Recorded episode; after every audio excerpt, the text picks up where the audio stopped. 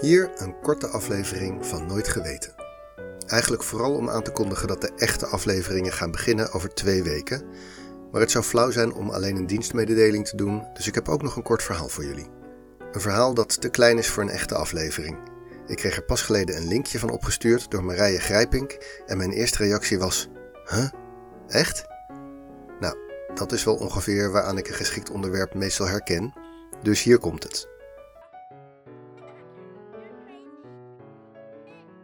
We zitten in de woonkamer van Gergely Barki in Budapest. Het is kerstavond 2009. Barki is een onderzoeker in dienst van de Hongaarse National Gallery. Een van zijn taken daar is het opsporen van verdwenen Hongaarse kunstwerken. Vaak zijn werken in de turbulente jaren 30 en 40 helemaal verdwenen, soms geroofd door de nazi's, soms op de vlucht uit Europa meegenomen, maar niemand weet waarheen. Maar ook Gergely Barki had op kerstavond wel wat anders aan zijn hoofd, want hij zat met zijn driejarige dochtertje Lola op schoot op de bank. En op de televisie was een leuke kerstfilm. Stuart Little. Over een familie in New York die een pratende muis in huis nemen als een soort broertje voor hun zoontje George.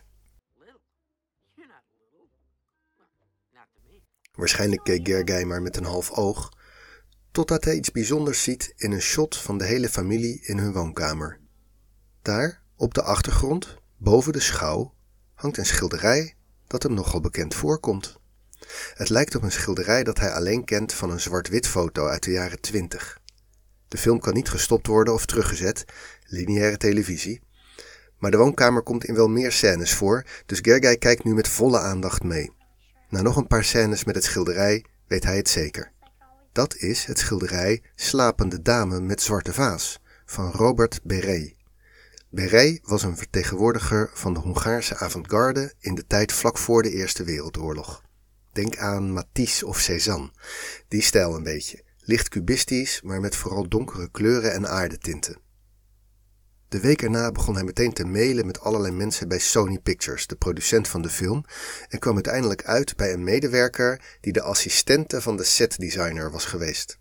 Ja, zij kende het schilderij wel.